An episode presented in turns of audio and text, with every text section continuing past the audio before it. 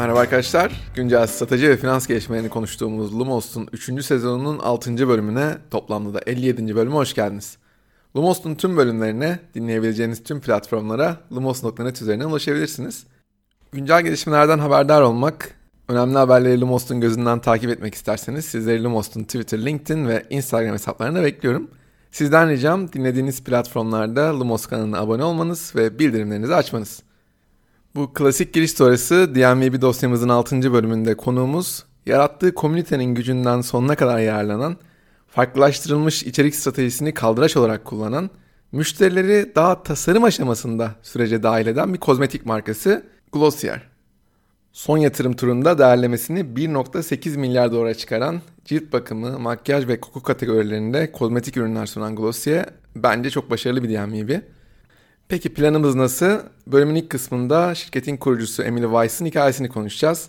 Vogue'da çalışırken başlattığı Into the Gloss isimli blogun başarısını nelere borçlu olduğunu anlamaya çalışacağız.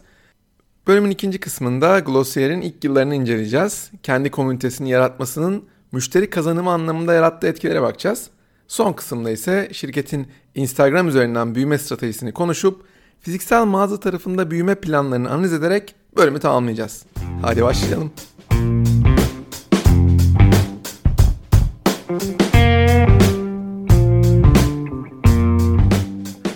Glossier'in kuruluşuna öncelikle Emily Weiss'ın hikayesi üzerinden bakalım istiyorum.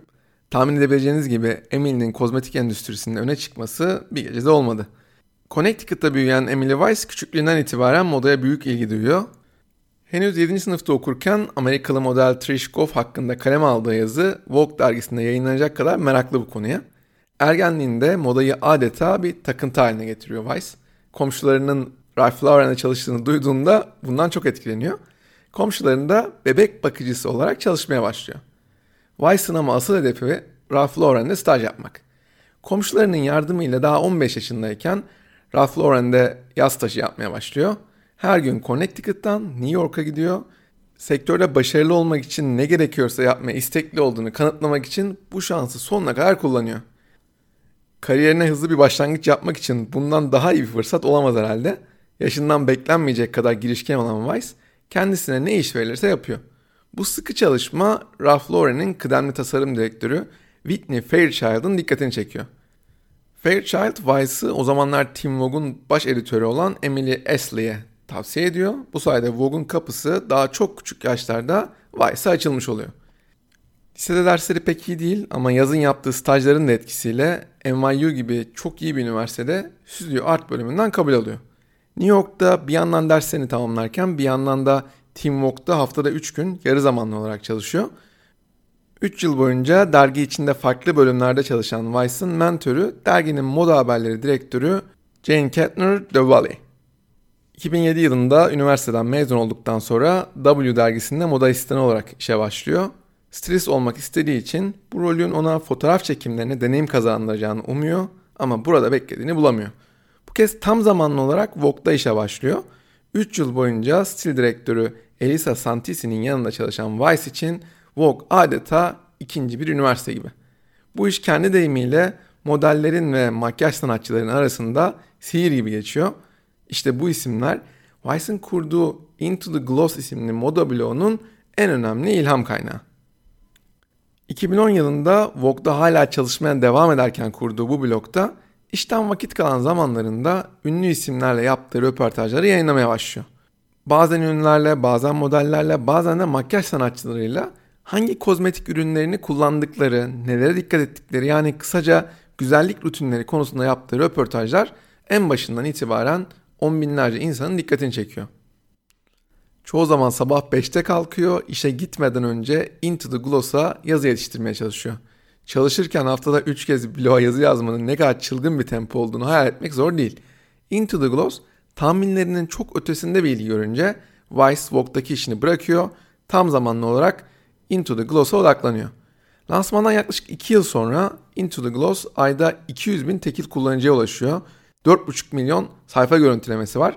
Vice'ın Vogue döneminden edindiği hikaye anlatma becerisi blogun trafiğini her geçen gün arttırıyor.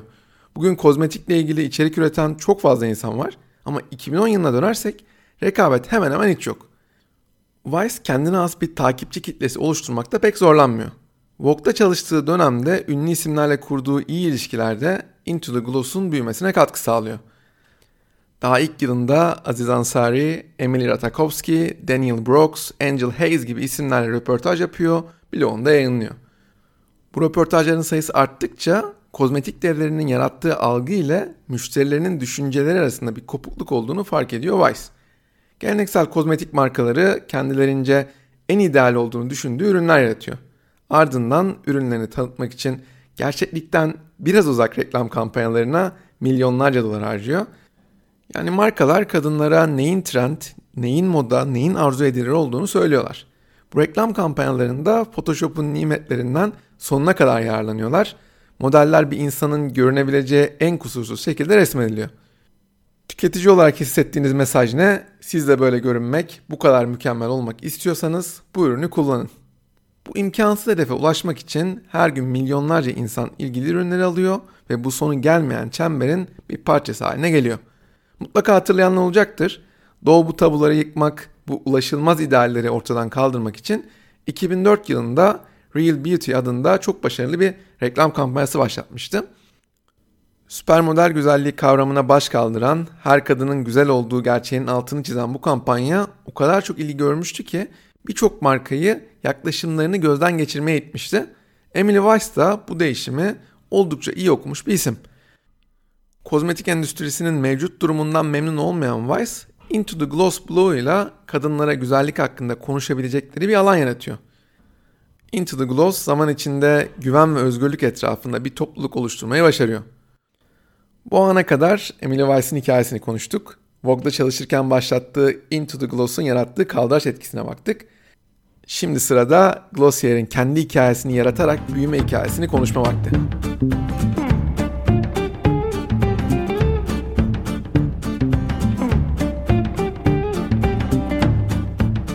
Evet soru şu, blogdan nasıl para kazanırsınız? Başlarda küçük çaplı projelerle, siteye aldığı reklamlarla finansal olarak ayakta kalmaya başarıyor. Ama şirket için bir sonraki mantıklı adım kendi kozmetik markasını yaratmak. 2013 yılında ayda 2 milyon tekil ziyaretçisi var Into the Gloss'un. Bununla yatırımcıları ikna etmekte zorlanmayacağını düşünüyor Emily Weiss.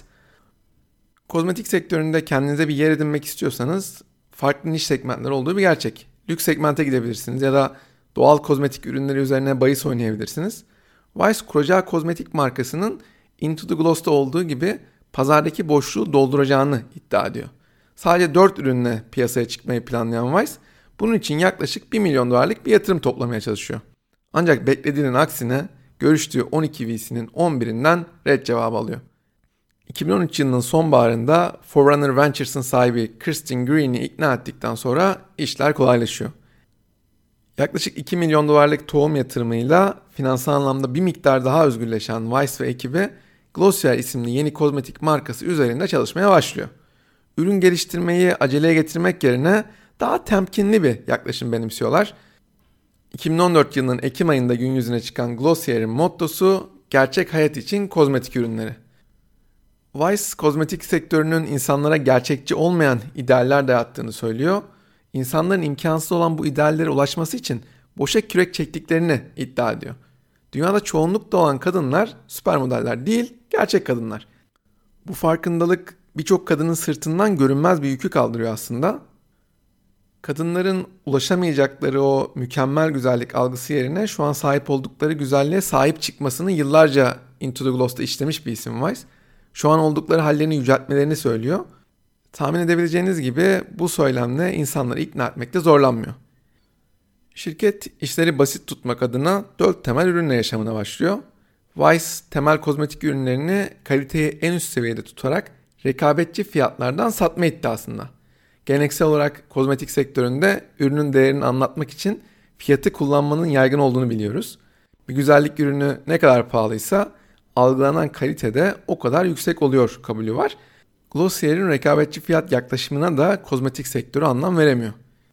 Fiyatı 12 ila 26 dolar arasında değişen ve Glossier.com'dan satın alınabilen cilt bakım odaklı ürünler piyasaya çıkıyor.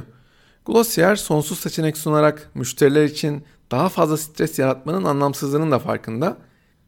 ilerleyen yıllarda ruj, göz kalemi gibi ürünler satmaya başladıklarında bile geniş bir renk yelpazesi yerine yüksek kaliteli temel ürünler üretmeye odaklanıyorlar. Şirket ürünlerini piyasaya sürdüğünde Into the Gloss'un sadık ve ilgili okuyucu kitlesi ürünleri almak için en önde bekleyen isimler oluyor.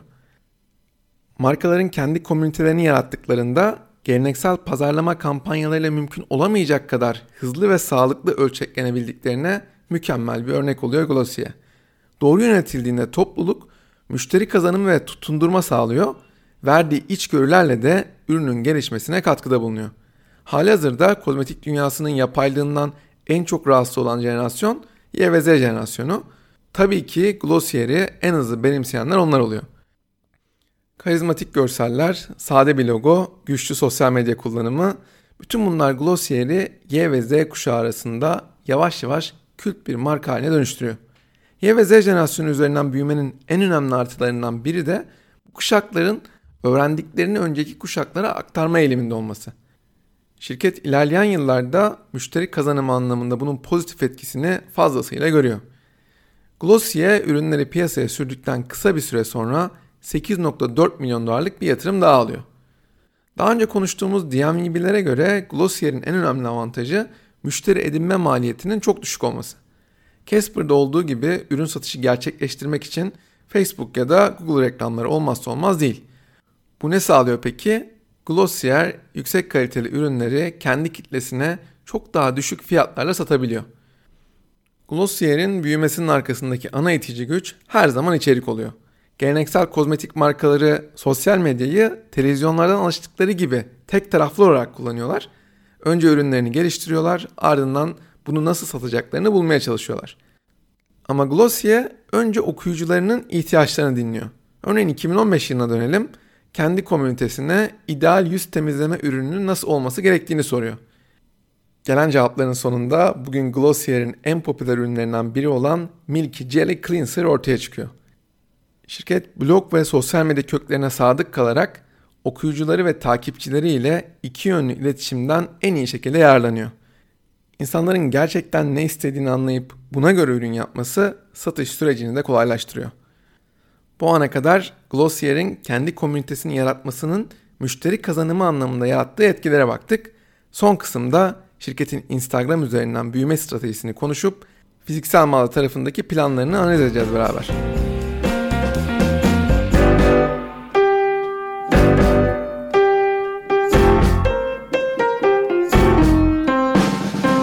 Glossier gençler arasında o kadar popüler hale geliyor ki 2015 yılında bazı ürünleri için 10 binden fazla bekleme listesi oluyor.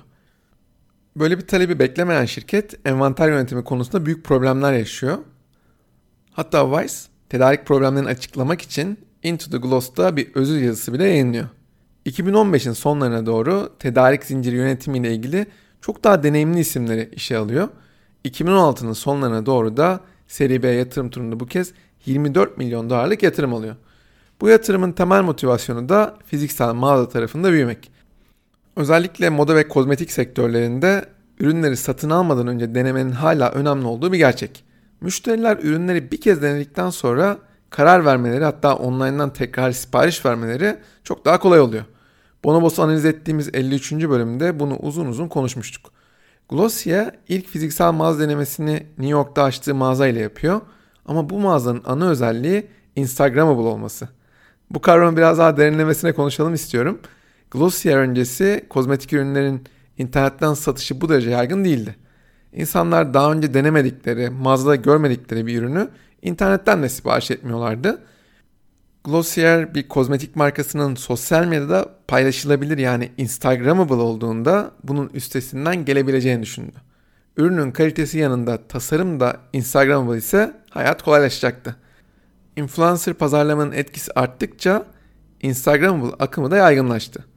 Glossier ürünlerinin hem paketini hem de kendilerini Instagramable yaptı.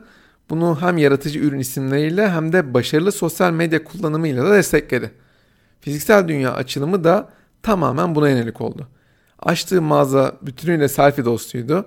İnsanları mağazaya gelip fotoğraf çekmeleri, Instagram'da sonrasında yayınlamaları konusunda teşvik ediyordu.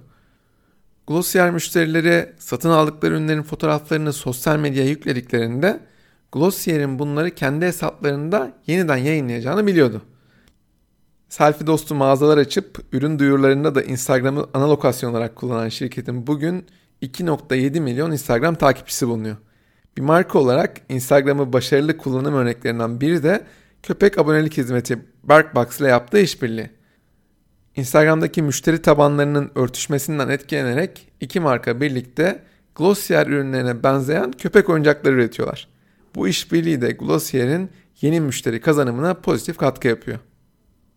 Instagram üzerinden büyümek Glossier'in çeşitlilikten de beslenmesini sağladı. Dünyanın her yerinden takipçileri olan bir marka olarak iletişim dilinde de çok kapsayıcı bir tona sahip oldu.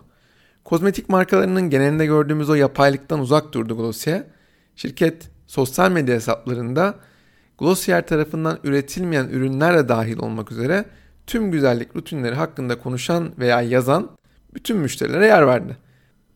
Müşterilerin farklı markalardan alışveriş yaptığını kabul etmekte zorlanan geleneksel kozmetik şirketlerinin aksine bu yaklaşımda Glossier'in gerçeklik algısına fayda sağladı.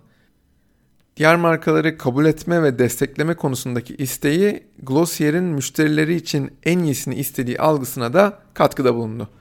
Başta yarattıkları sese sadık kalmak müşteriler arasında büyük bir sadakat ve güven yarattı. 2017 yılına geliyoruz. Glossier Toronto'da ve Paris'te pop-up mağazalar açarak uluslararası pazarlarda da boy göstermeye başlıyor. 2018 yılında bu kez Seri C turunda 52 milyon dolar yatırım alıyor. Önceki yıla göre satışlarını iki kat arttırarak 100 milyon doların üzerinde gelir ulaşıyor. İmza ürünlerinden biri olan Boy Brow o yıl her 32 saniyede bir satılıyor. Tahmini 15 milyon dolar gelir elde ediyor. Şirket yatırımcıları memnun etmek için portföyündeki ürün çeşitliliğini hızlıca arttırabilecekken kullanıcı geri bildirimleri üzerinden ürün geliştirme metodolojisini hiçbir zaman bırakmıyor.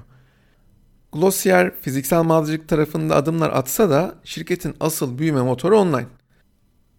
Benzerlerinin aksine ürünlerini Sephora ve Ulta gibi kozmetik perakendecilerine satmayı tercih etmiyor. Fiziksel mağaza tarafında büyümek konusunda aceleci davranmaması pandemi döneminde bir bakım avantajına oluyor. Bugün Glossier'in satışlarının %90'ı online olarak gerçekleşiyor. Şirketin online mağazası basit tasarımına rağmen oldukça işlevsel. Her bir ürün için yazdıkları ürün açıklaması mağazadaki görevliye sorma ihtimaliniz olan soruların tüm cevaplarını barındırıyor. Ürünlerin farklı ten renklerinde, etnik gruplarda hatta yaşlarda nasıl göründüğüne dair resimleri internet sitesinde bulabiliyorsunuz. Instagram'da ürünle ilgili yapılan tüm paylaşımlara ulaşabilmeniz de mümkün oluyor. Ürün sayfalarını en çok güçlendiren şey ise müşteriler tarafından yapılan ayrıntılı değerlendirmeler. Glossier kendi ürün odaklı içeriğini gerçek ürün deneyimleri hakkında kullanıcı tarafından oluşturulan içerikle birleştirince ortaya harika bir kombinasyon çıkıyor. Henüz Glossier'i tanımıyor olsanız bile ilgili ürün sayfaları sizin markaya güvenmenizi sağlıyor. Bu sayfalar Word of Mouth pazarlamanın yeni nesil dijital versiyonu gibi. Şirket unicorn statüsüne ise Mart 2019'da seri D turunda 1.2 milyar dolar değerleme üzerinden aldığı 187 milyon dolarlık yatırımla ulaşıyor. Glossier'in değeri bu yıl Temmuz ayında aldığı 80 milyon dolarlık yatırımla 1.8 milyar dolara kadar yükseldi. Lone Pine Capital tarafından yönetilen bu yatırım turuna mevcut yatırımcıları Forerunner Ventures, Index Ventures, IVP, Sequoia Capital ve Thrive Capital da katıldı. Şirket aldığı bu son yatırımla pandemide ara verdiği fiziksel dünyada ayak izini genişletme stratejisine de devam edecek. Evet yine bir bölümün daha sonuna geldik. Sonuç olarak Glossier komünitenin gücünden sonuna kadar yararlanan, farklılaştırılmış içerik stratejisini kaldıraç olarak kullanan, müşterileri daha tasarım aşamasında sürece dahil eden oldukça başarılı bir DMV. Kullandıkları samimi marka dili sosyal medyanın gücüyle birleşince şirket geleneksel kozmetik markalarından başarılı bir şekilde farklılaşabiliyor. Önümüzdeki dönemde Glossier'in kozmetik sektörünün devlerine karşı sürdürdüğü ayakta kalma savaşını yakından izlemeye devam edeceğiz. Bir sonraki bölümde görüşmek üzere.